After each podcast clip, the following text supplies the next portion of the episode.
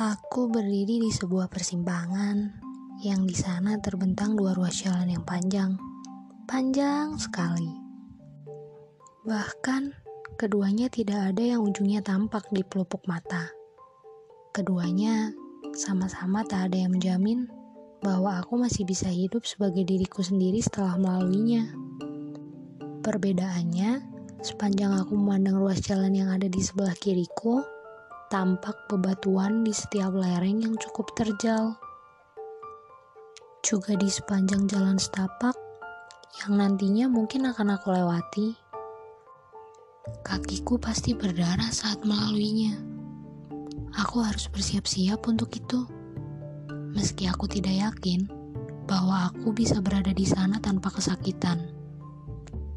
Kemudian, saat aku pandangi jalan yang lain, ada danau yang membentang di sepanjang sisi kanannya.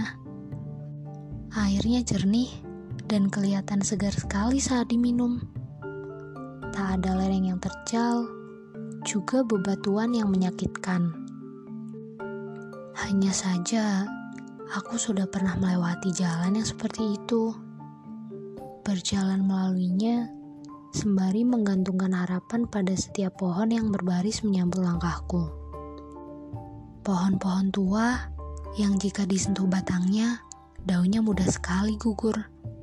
Seakan berpesan untuk berhati-hati kepada siapa pun yang selanjutnya ingin menyentuhnya. Memilih jalan itu artinya aku harus melalui perjalanan yang sama untuk kedua kalinya. Padahal hari sudah semakin gelap, aku harus segera bergegas untuk mendapatkan kembali diriku sendiri.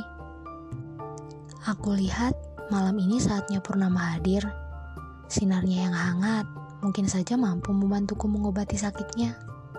Benar sekali, aku harus segera melanjutkan perjalanan ini. Meski berdarah dan kesakitan, demi hidup dengan diriku sendiri dan bebas dari rasa penasaran.